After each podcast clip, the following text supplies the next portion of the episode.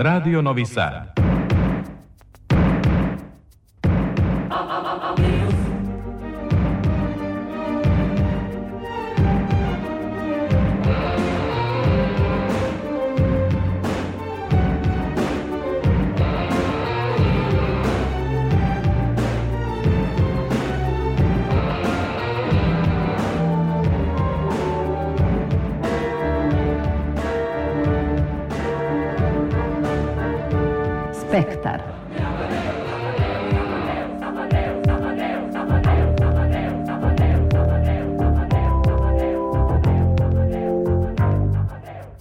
Spektar.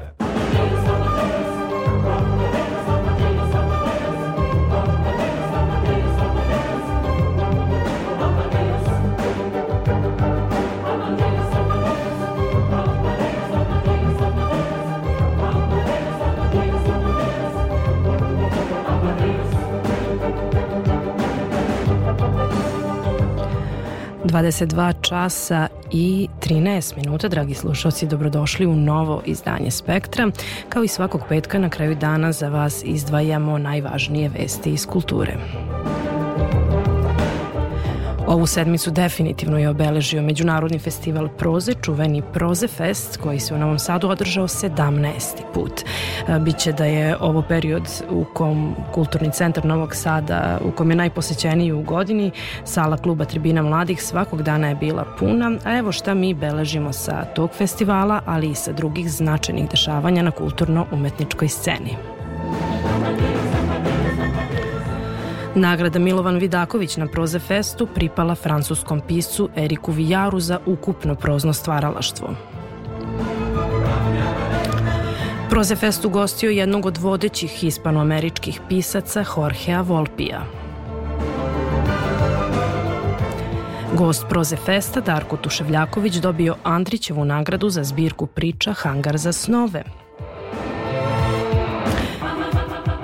Izašla nova knjiga Slobodana Tišme kao treći deo trilogije Astal Tiš, Riba, Friš. U galeriji Platoneuma u Novom Sadu otvorena je izložba vajara i akademika Save Halugina pod nazivom Razmatranje ploha. A u fojeju SNP u Novom Sadu predstavljeni identiteti, izložba slika Maje Todić iz Gračanice. I za kraj Vezda je Pulski filmski festival ove godine da proslavlja 70 godina trajanja. Opširnije o svemu tome nakon muzike po izboru Zojana Zorana Gajinova.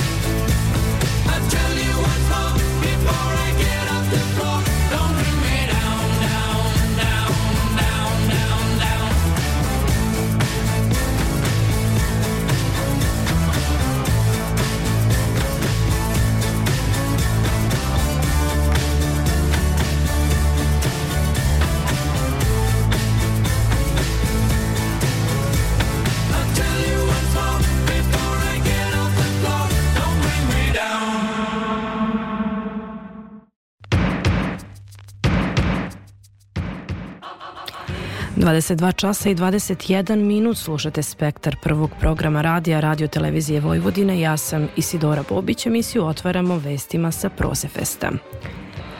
Poznati francuski književnik Erik Vijar ovogodišnji je laureat nagrade Milovan Vidaković koja se za sveukupno prozno stvaralaštvo tradicionalno dodeljuje u okviru Proze Festa u organizaciji Kulturnog centra Novog Sada pod pokroviteljstvom Skupštine grada i Ministarstva kulture. Do sada su je primili i mnogi Nobelovci poput Petera Hanke, Orhana Pamuka, Marija Vargasa Ljose i Olge Tokarčuk. Slušamo Vijarov govor sa dodele. C'est un honneur de voir mes livres recevoir le prix Milovan Vidaković. Velika je čast što su moje knjige dobile nagradu Milovan Vidaković i zadovoljstvo je videći pažnju koja se poklanja mojim knjigama u zemlji koja nije moja, zahvaljujući radu mog izdavača Bore Babić i prevoditeljice Milite Lobo Milutinović. Naslov moje knjige Rad siromašnih je, kao i svi naslovi, vrsta spontane kristalizacije, jezički odbljesak koji istovremeno prenosi zabrinutost usled velikih nejednakosti koje prežimaju ljudsku istoriju i koje na novi i kao način utiču na društvo Et qui, de manière tout à fait radicale et nouvelle, affecte aujourd'hui nos sociétés. Écrire, I sad to je ulaziti u neizvesno, obskurno, uzanost reči koje dolaze u svim svojim oblicima uz određenu lucidnost koju nam čin pisanja otkriva. Mi smo odgovorni za ton, dubinu i otisak svake reči i svakog daha. Responsable du timbre, de la profondeur et du relief qu'il donne au monde. Il est aujourd'hui... Danas bi bilo otracano da se pisac pravi nepristrasnim, Ko da može da se bavi ovim poslom van društva, bez glasa, kao ukupan u maštu jezik. Književnost ipak vredi više. U suprotnom, koja će tišina nositi naše ime? La littérature est sans doute universelle, mais elle est écrite dans de nombreuses langues. Književnost je nesumnjivo univerzalna, ali se piše na brojnim jezicima. Ohrabren sam i ganam. Činjenicom da misli, osjećanje i ritam mojih knjiga da se prenose na strani jezik koji govorim, koji ne poznaju ni u naznakama, u ovom slučaju srpske, da se uklapaju u toliko drugačiju kulturu. Najtoplije se zahvaljujem akademskoj knjizi Proza Festu, Francuskom institutu u Novom Sadu i svim čitocima Novog Sada. Le Prosfest Festival, l'Institut français et tous les lecteurs de Novi Sad. Erik Vijar našoj publici poznat je zahvaljujući prevodima Melite Logu Milutinović njegovih triju knjiga objavljenih u izdanju akademske knjige. Govoreći nadahnuto o piscu, naš istaknuti ninovac Dragan Velikić rekao je kako su ga odmah na prvo čitanje osvojili odsustvo viška u jeziku, stilska bravuroznost i moć ubedljivog preispitivanja istorije kada prevodite nekog, nekoga ko očito nema viška i kad to uspete da ju prevodu ostvarite, onda je to velika stvar. Njegova proza posjeduje jasnoću i snagu kristala. Sasvim neočekivano bljesne kakav detalj kojim pisac zađe u pozadinu istorijskog događaja, davno arhiviranog zvaničnom verzijom, a za koju će se ispostaviti da je daleko od istine. Čitalac biva osvojen besprekonim stilom, lakoćom i ubedljivošću s kojom pisac gradi ne samo likove, već i situacije koje pripadaju onoj nevidljivoj strani istorije. U nekoliko poteza uspostavlja čitavu jednu perspektivu, relativizuje naše znanje, neprekidno preispitujući prošlost. Zadivljujuće iz kojih sve uglova VR sagledava svet, kako hvata puls vremena, u kojoj meri uspeva da pronikne u psihologiju likova i kako rekonstruiše pozadinu istorijskih događaja. I tu se vidi snaga i dar velikog pisca, koji ne izmišlja, već otkopava svet oko sebe. Vijarovi junaci su svi do jednog istorijske ličnosti. Ono što je udeo fikcije jesu detalji i bizarnosti i svakodnevice tog sveta. Situacije jedne privatne istorije koja pod određenim okolnostima i tekako utiče na egzistencije čitavih naroda. Thank Yeah.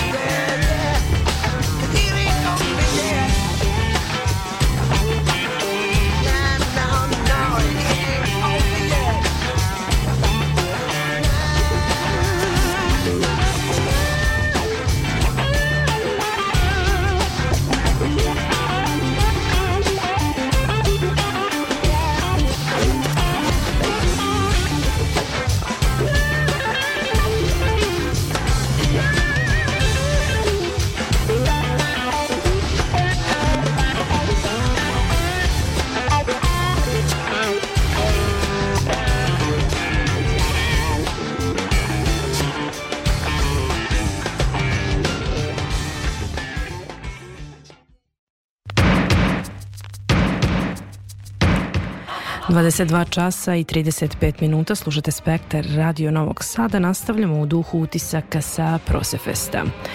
Naime, taj festival je ove godine ponosno ugostio Jorgea Volpija, književnika eseistu i diplomatu koji u kritičarskim krugovima slovi za najznačajnijeg živog meksičkog pisca.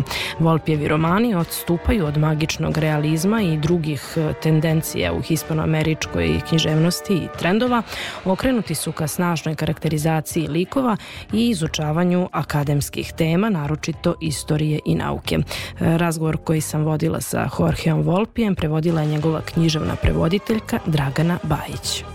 Književna kritika vas naziva najznačajnijim savremenim meksičkim piscem, tako da kad vam kažem da je velika čast da budem pored vas, to nije samo prazna floskula. Pošto važite za nekoga ko se ne povinuje lako za nekim vodećim tendencijama u literaturi i ko se ne udvara mnogo čitaocu, zanima me ko su stvarno vaši čitaoci, a ko je oni neki idealan čitalac koga pisac uvek ima pred sobom? I su da- e, kad pisac piše uvek ima da zamišljenog nekog čitaoca.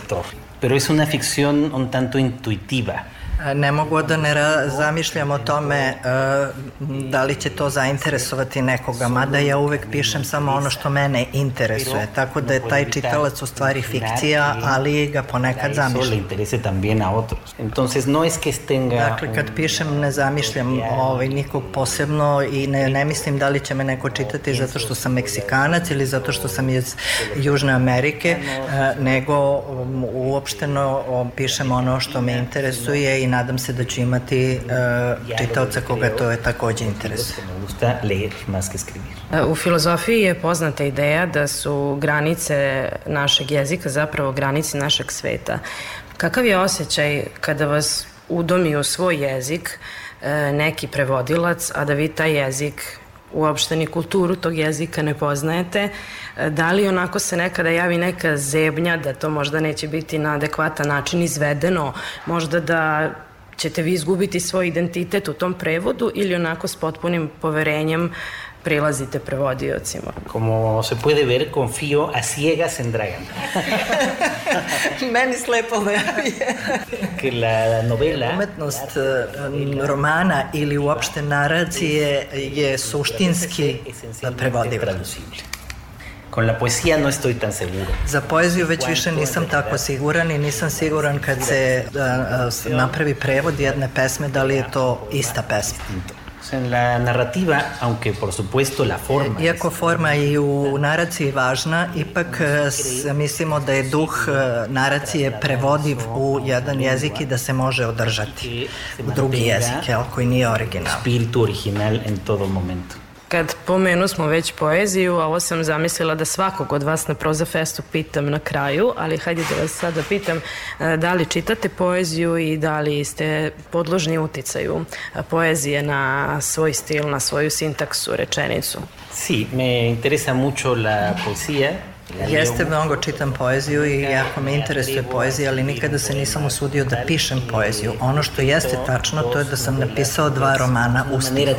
lo poético, pero que no dejan de ser novelas. Važite za pisa kome je psihologizacija lika veoma važna. Koji vam je lik bio najinteresantniji da ga izgradite, najizazovniji i zašto? Bueno, mi personaje favorito que yo he escrito es una novela que no se ha traducido al serbio. Llama... Moj najomiljeniji lik je uh, lik koji, iz romana koji opet nije preveden. Uh, to je Vreme pepela, a u kome je reč o propasti Sovjetskog saveza. E, taj lik je jedne mlade devojke koja se bavi hard rockom, a istovremeno i piše poeziju i to je u stvari njegov omaž Nataši Rostovoj iz Tolstojevog romana. Para mi era un cierto homenaje a la Natasha Rostova de Guerra y Paz. Da experiencia de bavljenja diplomacia utiče na vas kao na pisca i šta sve utiče na vas kao na pisca?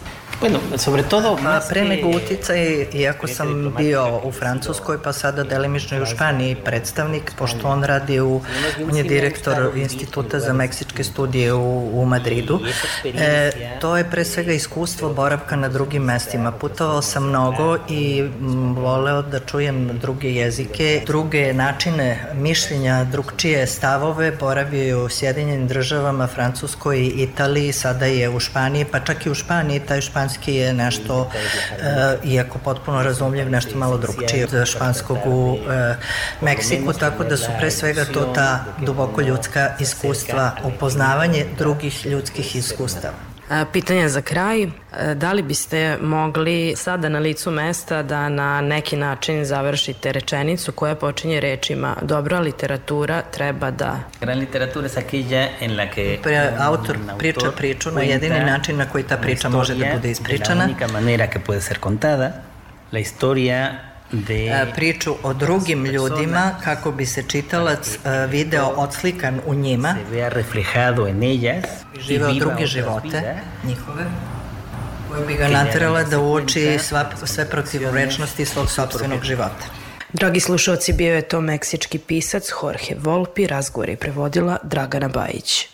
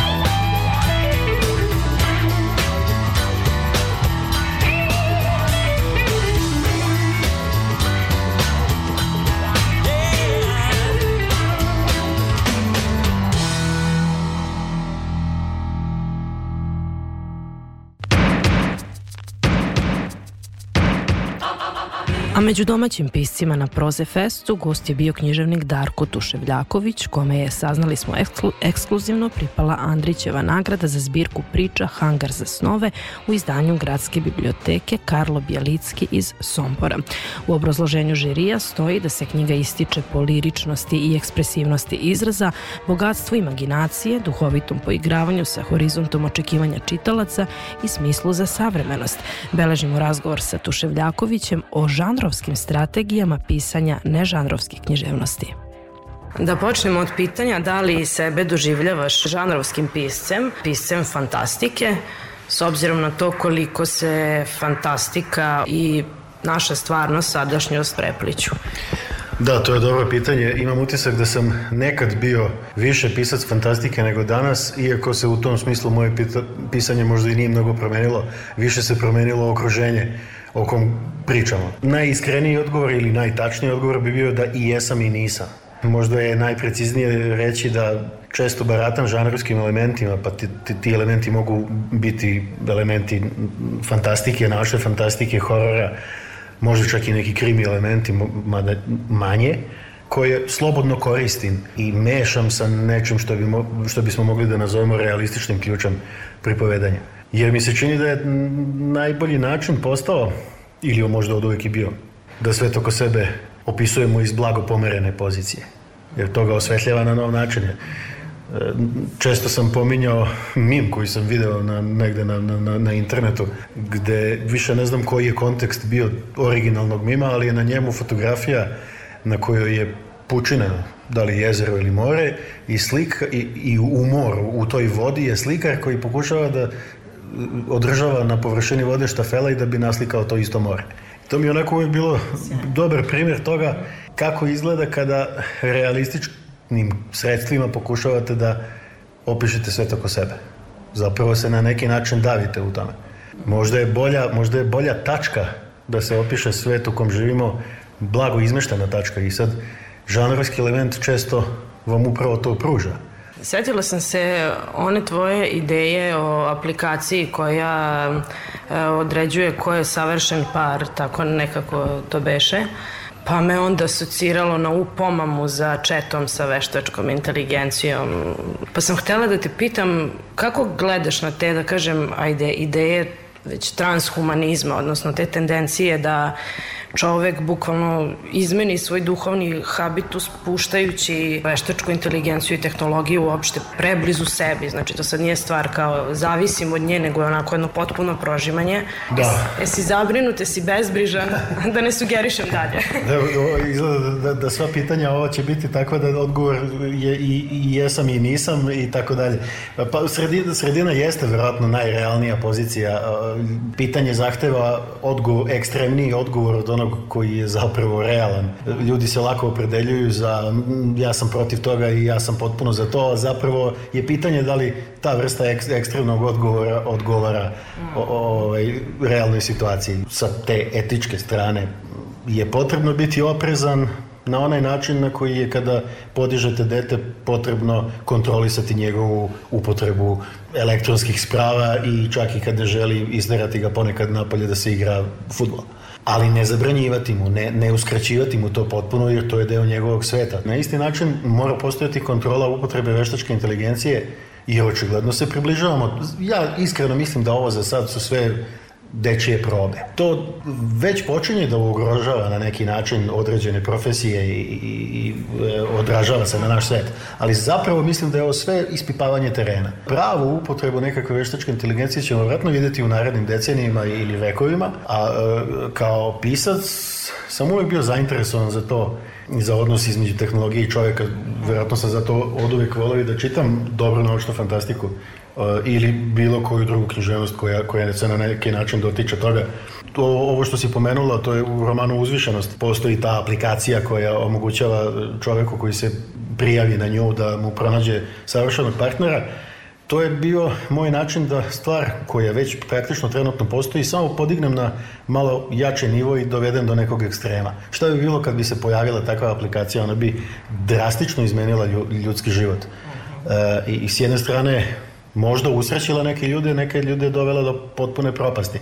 Jer apsolutna ljubav i savršen partner jeste nekakav ideal ka kom težimo, ali pitanje je koliko ga u apsolutnim kategorijama dos, dosežemo. Šta bi onda se desilo kad bi nam ta apsolutna kategorija zapravo postala dostupna preko tehnologije? Mač sa dve, tri ili više oštrica, jeli? To su zanimljive teme za obradu i, i nisu nimalo dehumanizovane, naprotiv, mislim da da upravo podržavaju sadašnji trenutak da jesu zeitgeist. Da, i zapravo postavljaju pitanje kako čovjekova duša u svemu tome da se snađe. Tako je, te priče se, iako se delom bave tehnologijom, mogu ispričati iz veoma lične vizure. Da popričam o zbirci horor priča, da te pitam šta je danas horor? E, ljudi su se, ne znam, pre 20, 30, 50, da ne pričam i više godina, plašili mitskih bića, veštica, demona. Da li se danas plašimo toga? kao, to su neki prosto arhetipski strahovi oličeni u tim stvorenjima ili je možda horor danas nešto drugo? pa i taj odnos sa tehnologijom, recimo. Šta je horor u tvojim pričama? To pa može biti praktično bilo šta. Prvo je moje zbirci priča gde je na poleđini pisalo devet horor priča, pa sam viđao onda e, ljude na sajmu koji se zainteresuju za prvu prednju koricu, onda kad vide na zadnjoj korici da piše devet horor priča, brže bolje vraćaju knjigu nazad na, na štand. Ove, da, tako da eto, može se čovjek uplašiti i od, i od zadnje korice. Ove, ovaj, mislim da koristio sam razne stvari. Jeli, horor je nekako možda i naj intimnija literatura zato što zadire upravo u, u, u mračne dubine naše psihe. Bilo da iz nas izlači nekakve mračne strasti, bilo da izlači strahove. Tako da široko je to polje delovanja nekad, ako pišem, ne, nekad sam pisao e, horor priča može biti u potpuno realističnom ključu. Ali teška ljudska drama se ponekad često, e, e, ponekad malo razlikuje od, od horora. Zapravo postoji mnogo hororičnih ljudskih priča koje ne moraju da imaju nikakvo čudovište, u kojoj su ljudi čudovište. To bi bilo možda na jednom kraju, a na drugom kraju bi bilo bio nekakav nadprirodni horor koji je upravo to što si rekla, arhetipovi u nama nešto iskonsko što se probudi svaki put kad, kad na to naletimo, izazove nekakvu katarzu. Možda je opet slično kao, kao i ovo prethodno što smo pričali, najefektnije možda horor koji zapravo slikava nekakvu realnu situaciju koja je samo blago pomerena i to onda može da izazove veliko pomeranje i u nama. Interesantno mi je naišla sam na neki članak gde si rekao da je za postavljanje priče tebi najvažnije da postaviš prvo mesto dešavanja? Možda zato što sam živeo u ono, deset gradova. Ja sam obišao tri bivše Jugoslovenske republike u svom životu do sad, sticajem raznih okolnosti. Zapravo to znači da svako od tih mesta smatram svojih, a ne samo jedno. I uvek obraćam pažnju na to i nekako dovoljno mi je da provedem nekoliko sati ili dan ili dva u nekom novom prostoru i, i imam utisak da ga znam, da ga poznajem. Imam utisak da prvo pamtim prostor, a onda ljude. Mislim, nešto mora da bude osnova, nešto lično mora da napravi temelj. Možda je kod mene to lokacija, pa onda iz lokacije često proizlazi sama priča. Jedno pitanje za kraj, opet sam ulovila neku tvoju misao negde, da uočavaš da je celo i naše i svetsko društvo potišteno. I kad pogledamo kakve junake stvaraju pisci, tu gotovo da nema neanksioznih junaka, gotovo da je to ono osnovno obeležje junaka savremene književnosti. E, zašto je to tako, kako to vidiš? Čini mi se da je možda doba tehnologije, visoke tehnologije kako je današnje, nas je zapravo na neki način odvojilo jedne od drugih i, i, i zatvorilo u nekakve mehorove gde mi baratamo gomilom informacija, ali suštinski ne komuniciramo na nekom možda dubljem ili ličnijem nivou. U nekim ranijim vremenima kada nastupe krize, e, to, to združivanje intimno, ne mislim odmah na dizanje revolucije i, i bunu, mada i to se može postaviti kao pitanje da li je to danas ostvarljivo i na koji način lično povezivanje među ljudima je ljude spasavalo upravo od te potištenosti, kad je ona možda bilo logično raspoloženje. Danas te vrsta, ta vrsta povezanosti čini mi se da se gubi, jer jedno je biti povezan na društvenim mrežama i dnevno se čuti sa, sa stotinu ljudi, ako, ako ne i više, a drugo je imati troje ili četvero ljudi sa kojima će moći da se podeli neka najturobnija ili najteža intima. Kao da je kva, kvantitet za meni, što čini mi se dovodi do toga da, da, da postajemo sve potišteniji jer svet oko nas činjenica ne postaje sve veselije. Dragi slušalci, bio je to savremeni srpski književnik Darko Tuševljaković.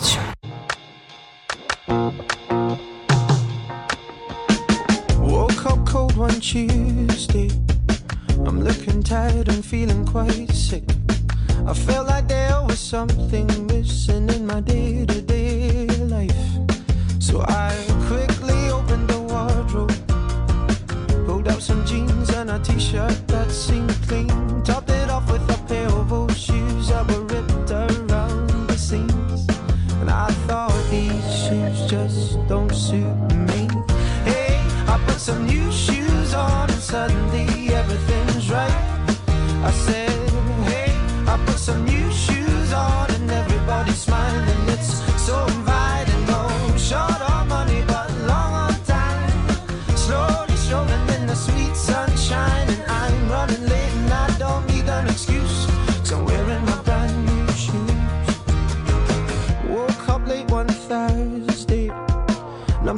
stars as I'm rubbing my eyes And I felt like there were two days missing As I focused on the time Then I made my way to the kitchen But I had to stop from the shock of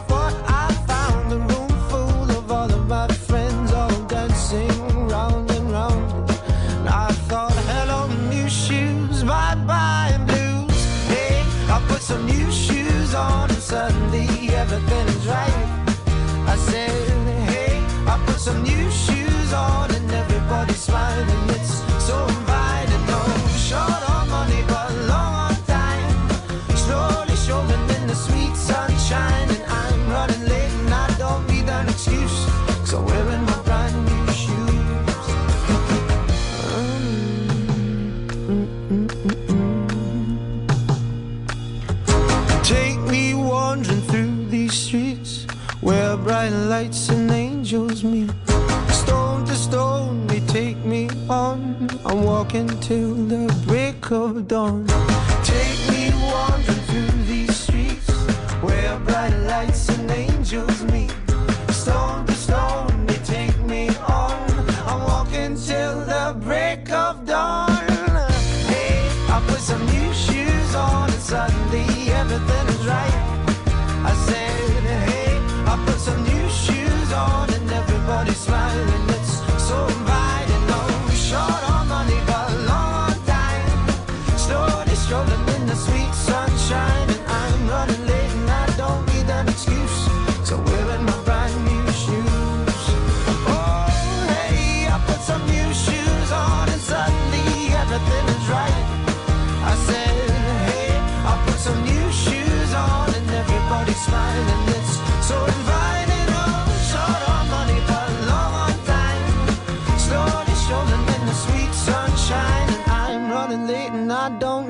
excuse, cause I'm wearing my brand new shoes.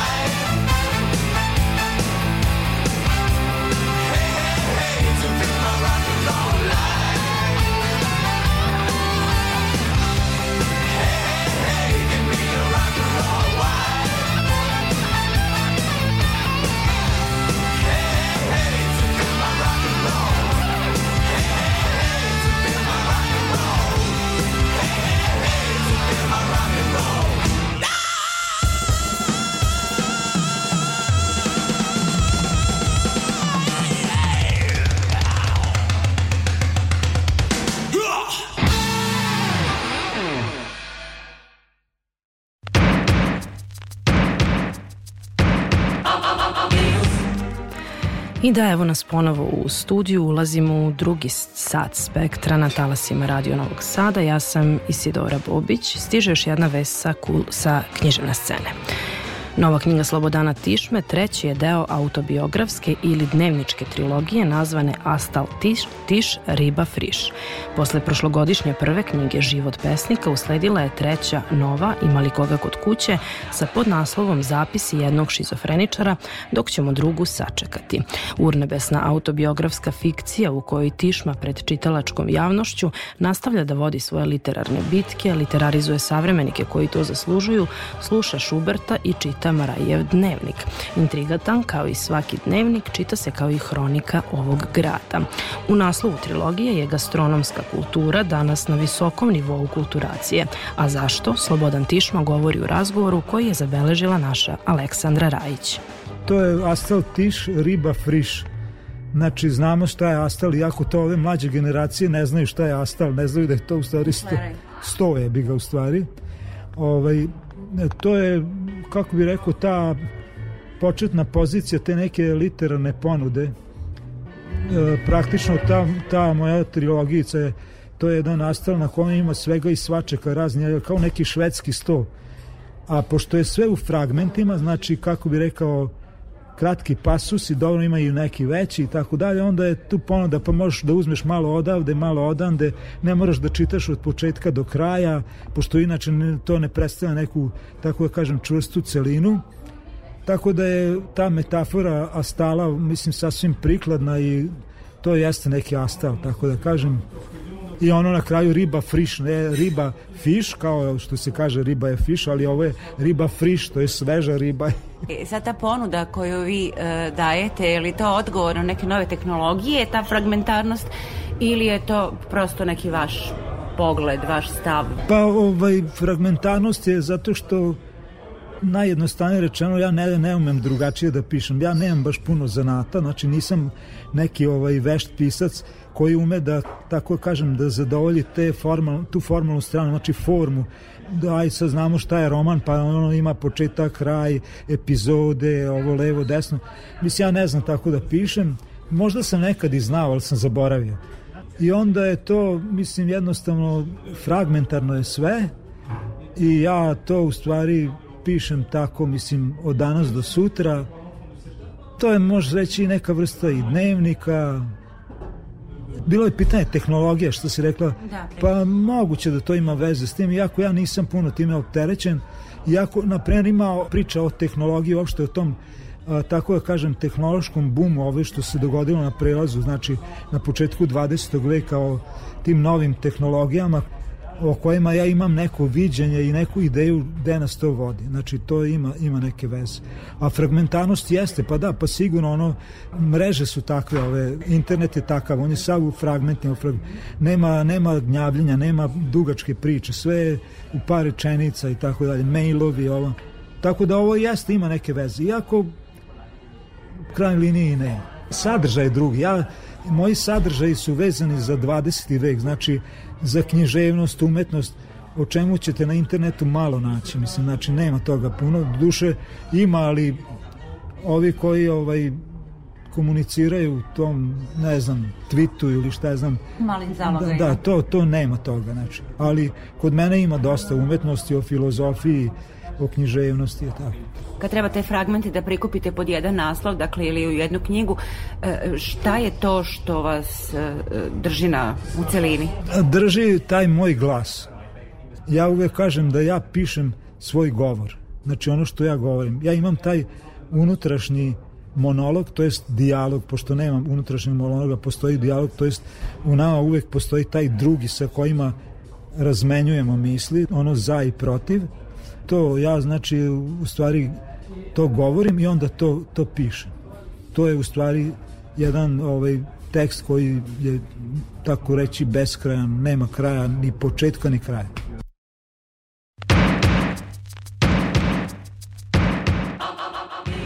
Izdavač je novosadska kuća Noisac koja shodno imenu kontinuirano objavljuje novosadske pisce. Da li i nova Tišmina knjiga referiše na taj i takav identitet, govori izdavač Relja Dražić. Ova knjiga možda malo manje referiše na to nego ona ovaj, prethodna, život pesnika, jer ova ima podnaslov e, zapisi jednog šizofreničara i to je u stvari knjiga koja o, ima, zahvaljujući tome, i jednu određenu dubinu, manje ima Novog Sada nego onoj prethodnoj, jer šizofrenija između ostalog znači u vidu mnogo dublju kompleksnost sveta. I to je vrlo interesantno zato što ja narator zahvaljujući toj poziciji šizofrenika dobija e, i alternativna ega. Ima ih bar tri, pa tu bude, nastavlja se i onaj rat iz prethodnog, što kaže Lota kontinua sa, sa Božom Mandićem, ali je sad jako stilizovan i o, um, veoma lepo se čita. U njemu sad na ovom razgovoru nećemo uopšte ništa ni govoriti, nego u nekim drugim momentima knjige, ali čitaoci će biti ovaj, sigurno zabavljeni. Znači, ono čega u, knjig, u knjizi opet ima, čak možda i više nego u ovoj prethodnoj, to je to veselje u tekstu, do koga je njemu neobično stalo. To proizilazi iz te pozicije šizofrenog to, eh, to, posmatranja proiz, to, sveta. To proizlazi iz te njegove pozicije pre svega relativizacije naracije i u ovom slučaju i relativizacije identiteta. Jer ta priča o identitetima kojih se mi slepo držimo, ona je trenutno u stvari možda i glavni problem sveta što, što guši naš potencijal u stvari za zajedništvo i mi smo u stvari samo jedna gomila beslovesnih subjekata koji se drže neke svoje individualnosti i zato smo između ostalog nesposobni možda i da spasimo ovaj svet koji je u ozbiljnoj opasnosti, to se vidi. Evo mi smo sad, tako reći, u sred leta, a već je i počela jesenju. Sad to je možda i nekad i bilo i ranije, ali nekako ti se čini da da stvari nisu dobre. A da mi ne možemo ništa da uradimo. To je ono što je strašno.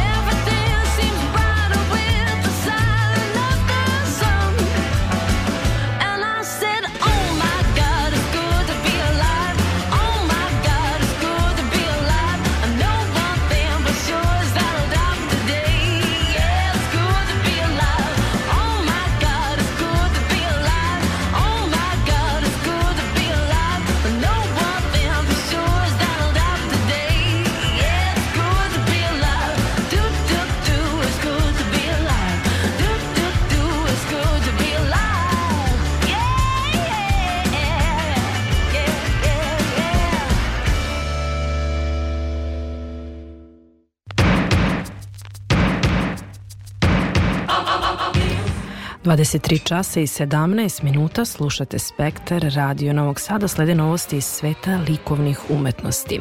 Vajari akademik Sava Halugin predstavio se u galeriji Platoneuma u Novom Sadu slikama, odnosno bojenim crtežima.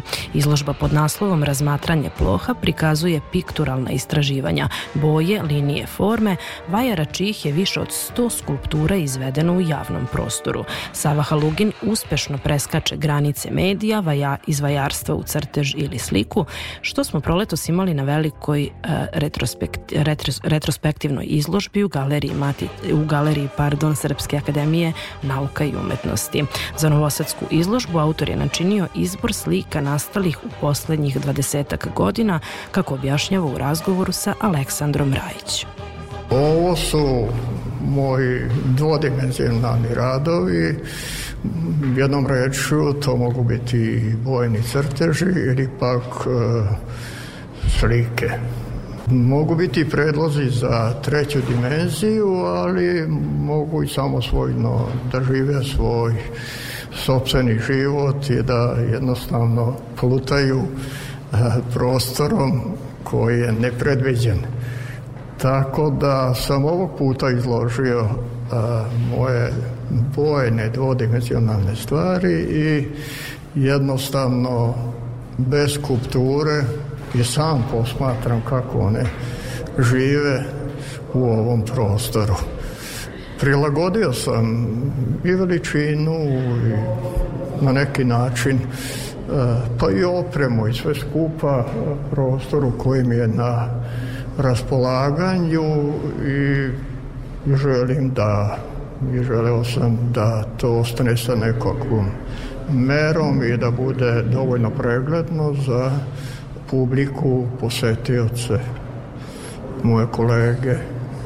Na ovim slikama ste naravno izraziti kolorista, međutim, e, kažete ima tu i možda predložaka za neke tri dimenzije.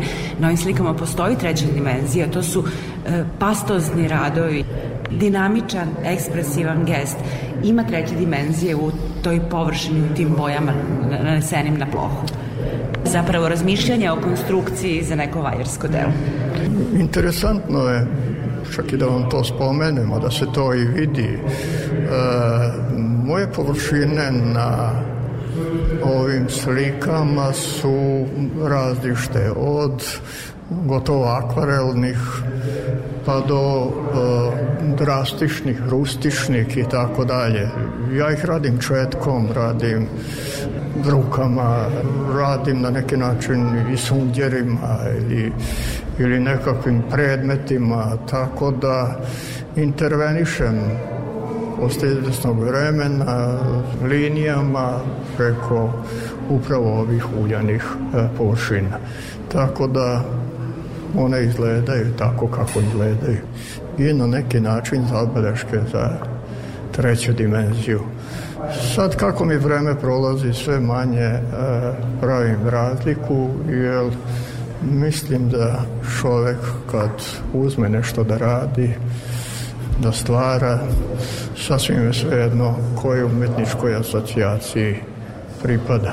Frekvencija je dosta velika, široka, tako da treba da uživa dok stvara, ja uživam.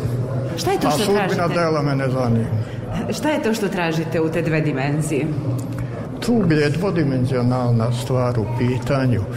Od ranih crteža, akvarela i, ajde kažem, bajca, tuša i tako dalje, došao sam i do e, slike.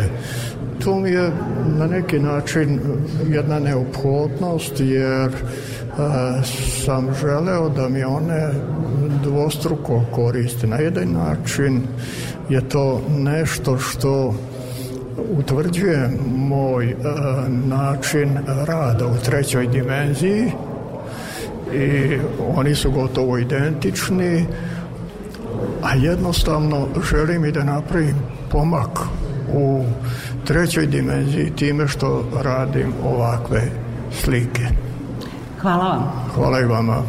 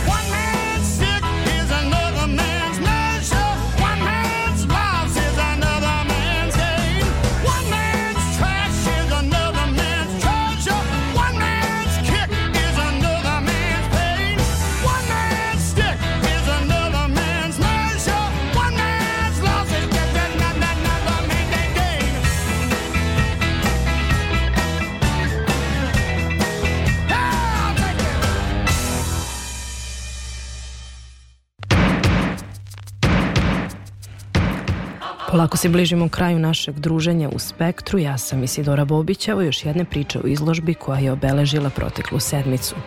Maja Todić, slikarka iz Gračanice, razvila je u svakodnevnom dodiru sa duhovnošću i lepotom slikarski stil i postupak koji na savremen način čuva sećanje i tradiciju. Njene slike na kojima su boje, linije i motivi Gračanice govore, kako sama kaže, o lepoti, korenima i slobodi. Izložba slika, nazvana Identiteti, otvorena je u foajeu Srpskog naroda Narodnog pozorišta u Novom Sadu i predstavlja njeno životno i umetničko iskustvo. Razgovor zabeležila Aleksandra Rajić. Predstavljate nam na ovoj izložbi jedno, naravno, sasvim specifično i životno i umetničko iskustvo. Verujem da nije beznačajno, to se upravo i na ovim slikama vidi, živeti dakle, pored nečega što je ne samo deo svetske kulturne baštine, nego čije su freske prosto u našim nekim engramima, u našem duši, u našoj e, svesti, u jeste u našim genima.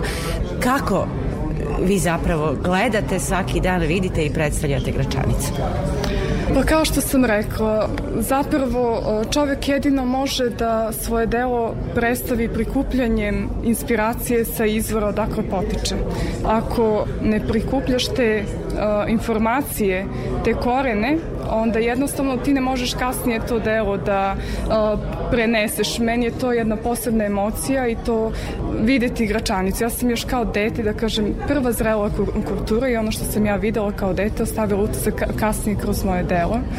Na neki način svoju slobodu izražavam kroz ovo slikarstvo. To je što je pesnik Moša Dalović starog gradska rekao, kaže one slike su tvoj štit i tvoja sloboda. I jeste tako, kultura je naš identitet i kulture naša sloboda, njome se predstavljamo svetu, a u ovim nekim teškim situacijama kada se mi borimo sa tim kulturološkim i identitetskim izazovima, a, gde svi i da. životnim i gde svako nešto prisvaja i misli da je njegovo, mi moramo biti svesni i da svoje znanje i umeće upotrebimo i kao pojedinci, kulturni radnici, institucije, a, da na svaki mogući, mogući način odbranimo ono što je naše.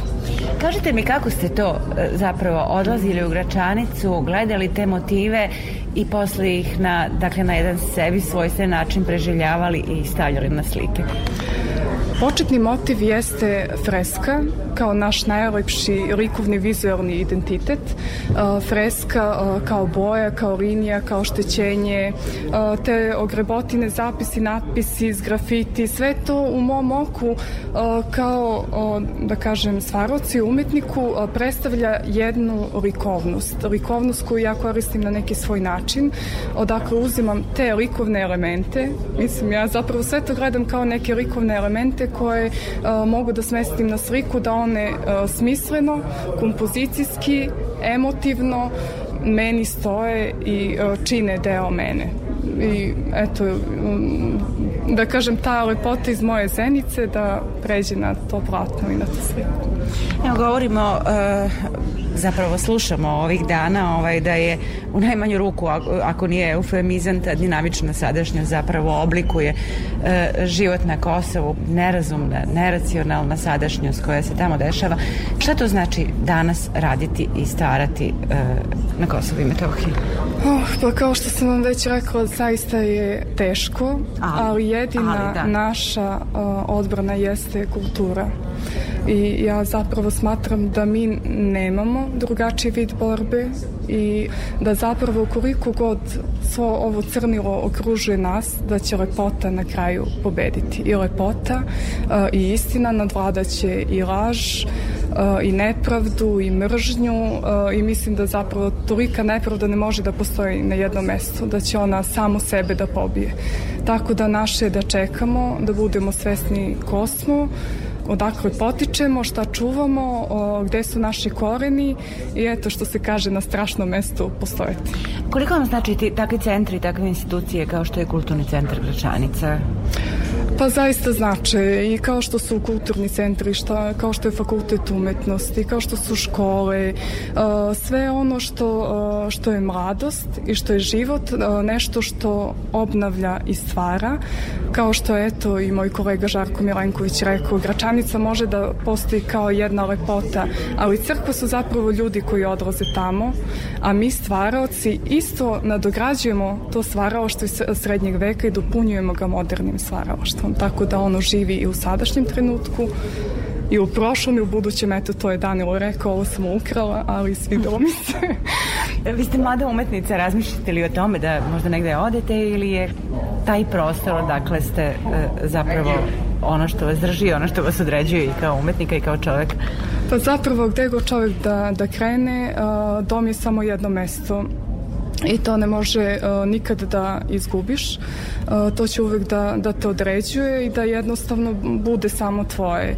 Tego da odim, Gračanica će uvek da bude sa mnom i na mojim slikama. Uh, ja trenutno živim tamo, eto da kažem da, da živim sa svojim suprugom, da zajedno oslikavamo i crkve, da pored ovog modernog slikarstva da se bavimo i kanonskim ikonopisom i uh, freskopisanjem, da oslikavamo crkve, da na taj način eto isto živi narod kroz te neke radosti, male radosti i okupljanja kroz oslikavanje crkve, eto primer, navešću primer u Lipljanu, u kome pre 99. živjelo 30.000 Srba, sada ih ima samo 300 i koliko njima znači trenutno oslikavanje crkve koje će sledeće godine slaviti 90 godina, tako da eto optimizam postoji i eto mi verujemo i nadamo se da, da će na kraju ipak biti sve kako treba a naše da čekamo i da se da verujemo i da se nadamo da želim vam najpre srećan povratak i puno sreće u tom svemu. Hvala vama.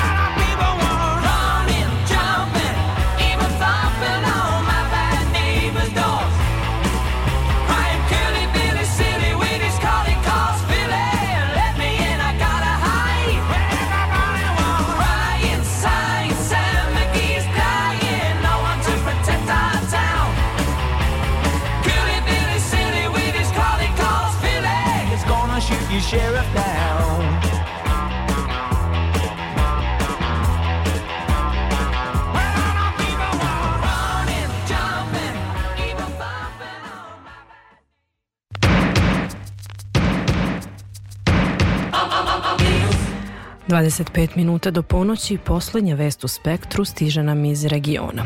Pula Film Festival ove godine slavi veliki jubilej, sedam decenija postojanja. Tim povodom na festivalu je predstavljena i monografija 70 godina filma pod zvijezdama u Puli. Direktorka Pulskog festivala Tanja Miličić boravila je nedavno u Novom Sadu kao predsednica žirija prvog Novi Sad Film Festa i govorila na tribini u sklopu pratećeg programa o Pulskom festivalu. Detalje beleži naša Ivana Maletin-Ćorilić. Prilikom rada na monografiji koja pruža uvid u istoriju Pulskog festivala, ali i u promene koje je pretrpeo i novine koje je uveo u poslednje dve decenije, kao jedno od glavnih obeležja festivala, izdvojila se njegova moć transformacije, objašnjava direktorka Pulskog festivala Tanja Miličić. Prije svega to je bio festival jugoslavenskog igranog filma E, kad se Jugoslavija e, raspala, početkom 90-ih festival gubi svoj identitet. Ali e, baš radeći ovu monografiju koju su uredile kolegice Lana Skuljan Bilić i Sanela Pliško, zapravo otkrili smo da ako se nešto može vezati uz Pulski filmski festival ili festival jugoslavenskog igranog filma, inače mijenjao je naziv 7 ili 8 puta, to su kontinuirana transformacija i tranzicija Dakle, e, to što izgleda da je posljednjih 20 e, godina se gubi i traži, zapravo je tako bilo i prije. E, samo što je zaboravljeno, samo što su ostale one neke prekrasne uspomene i ono što mene najviše izluđuje što stalno slušamo o zlatnim vremenima Puskog filmskog festivala koji je ovaj, i Milan spomenuo. Um, mislim da je svako doba festivala uh, važno, da je najvažnija publika, Eh, Publike u areni ima. Eh, pričala sam s nekim eh, gostima festivala, zapravo nisu svjesni koliko je velika auditorija arene. U arenu stigne Oficijalno sada, 5,5 tisuća gledatelja, postoje fame da je bilo i 20, 12.000 gledatelja u areni, provjereno to nije moguće, e, to su samo ovaj, pumpane brojke, bilo je negdje 8.000, ljudi su sjedili, puno su bili više ovaj, skupljeni, bile su manje stolice, sjedilo se po podu, preskakalo se, ali ovaj, um, festival ima svoje uspone i padove kao jedan uh, uh, ljudski život, E, nekad je malo bolje, nekad je malo gore, ali svakako od 2007. godine e, oporavio se od baš teške krize identiteta i krenuo naprijed i evo, Stigli smo do 70. godine i svi imaju mišljenje o Puli, svakom Pula pripada, e, svako misli da ima pravo reći šta bi trebalo biti, u kojem smjeru bi trebalo ići i doista je jako teško pomiriti sve te interese, ali nema veze. E, mislim da je važno da se u Puli priča i da je dio naše zajedničke povijesti. Za sedam decenija postojanja festival je doživeo razne uspone i padove i neredko nailazio i na kritike – Kako bi osvetlio njegov značaj za grad, a i šire, organizacioni tim je u godini jubileja pokrenuo kampanju Moja festivalska priča. Na otvaranju festivala pred više od 5.500 gledalaca u rasprodanoj areni brojne ličnosti iz sveta filma podelile su svoje festivalske anegdote sa publikom. Pulski fizički festival je izdašno financiran strane Ministarstva kulture, što ovi mnogi drugi novi festivali uh, na tome nam jako zavide, ali ne uzimaju u obzir da samo da se arena e, pripremi, nama ode skoro pola budžeta, dok dignete platno, sve postavite, a da ne govorim da je festival u špici sezone, smještaj, koliko god da dobijemo popust, to je još uvijek e, van serijski visoko. I onda smo htjeli zapravo građane podsjetiti koliko je festival važan za Pulu i potaknuli smo ih da s nama podijele svoje priče. A u predkampanji smo zapravo Eh, uzeli izjave nekadašnjih eh, velikana eh, festivala, glumaca Milene Dravić, Ljubiše Samarđića, našeg sugrađanina Igora Gala, te autora Rajka Grlića, Slobodana Šijana, uzeli smo njihove izjave o tome kako je njima kao autorima, kao glumcima, kao ljudima s ove druge strane, ne publike, bilo u Puli i to su uvijek najčudesnije priče. Milena Dravić je pričala o tome kako su je ovaj, skidali s pozornice, nosili i otkidali komadiće njezine odjeće za uspomenu. Um, Rajko Grlić e, je rekao da nikada nije se usudio biti u areni e, za vrijeme svoje projekcije, ali čuje izvana kako arena diše. Dakle, uzeli smo njihove izjave i stavili njihova mena i napravili od toga džambo plakate, plakate i različite druge stvari, a to, smo, to je bio kao teaser za festival. A u samom festivalu smo potakli građane da podijele s nama e, svoje priče u želji da se prisjete koliko je festival važan i mene doista E, bilo je neverovatnih priča i dio toga smo iskoristili na otvaranju, dio autora isto pričao u svojim pričama, ali ona koja mi je bila nekako najviše me se usjekla, majka jedne petogodišnje kćerke je poslala da ju je kćerka dok je bila mala pitala da li je može kupiti maskaru za oči. Ona je rekla kao mislim šta će ti maskara, još si mala, čemu to? i curica je odgovorila za moj rođendan, za novu godinu i za festival. E, dakle, to vam govori koliko je festival unatoč svim usponima i padovama zapravo dio našeg identiteta. Kako je i najavljeno, jubilarno 70. izdanje Pulskog festivala bilo je prava posveta publici i filmađijama. Više od 33.000 gledalaca pratilo je festival na pet lokacija – u Areni, Kinu Vali, Istarskom narodnom kazalištu, na Brijunima i Ambreli, što je skoro dvostruko više nego prethodne godine. Tome je nesumnjivo doprineo i raznovrstan program prilagođen različitim ukusima i generacijama. Iako je Pulski festival primarno orijentisan ka hrvatskom filmu, poslednjih godina je sve otvoreniji za koprodukcije. Ističe Tanja Miličić. Ono što je e, sadašnjost e, filmova su koprodukcije. Više nigdje nema dovoljno novca da ne znam, Filmski centar Srbije ili Hrvatski audiovizualni centar ili e, slovenski ili bilo koji drugi filmski centar da izdašne svote novca da se filmovi produciraju. Neki imaju sreće, neki su skromni, međutim mislim da je E, budućnost e, naše regije, posebno kako dolazimo s istog govornog područja, udruživanje snaga, e, mislim i autorskog i financijskog. Tako da ima sve više i više koprodukcija filmove koje ne možete u potpunosti, ono, ok, većinski to srpski film jer je redatelj Srbin ili je većinski novac, dolazi iz e, srpske e, e, kese. Tako da je sve više takvih filmova i mislim da je to budućnost, ali ono što, što isto dosta važno, je što nisam e, spomenula e, kad se pričalo o zlatnim godinama, više nije dovoljno samo imati festival e, na kojem se prikazuju filmovi. Mislim, to je kao, šta je to?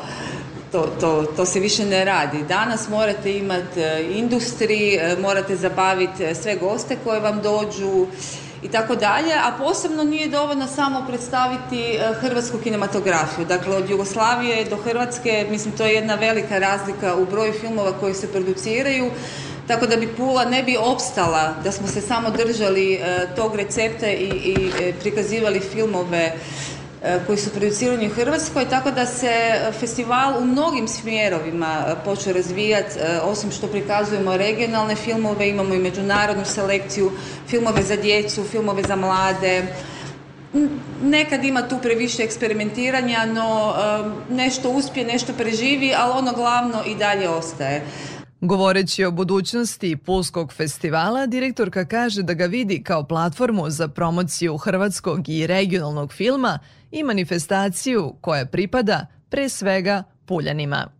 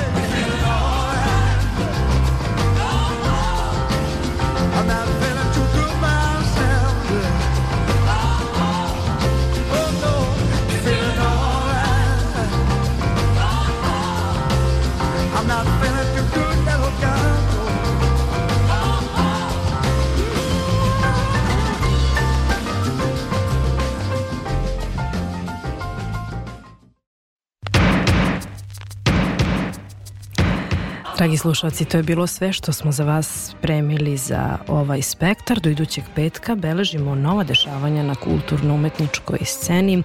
Emisiju je tonski realizovao Ivan Živković i ja sam Isidora Bobić. Šaljemo vam pozdrave iz studija na Mišeluku i želimo vam mirnu noć i mirno nebo nad gradom.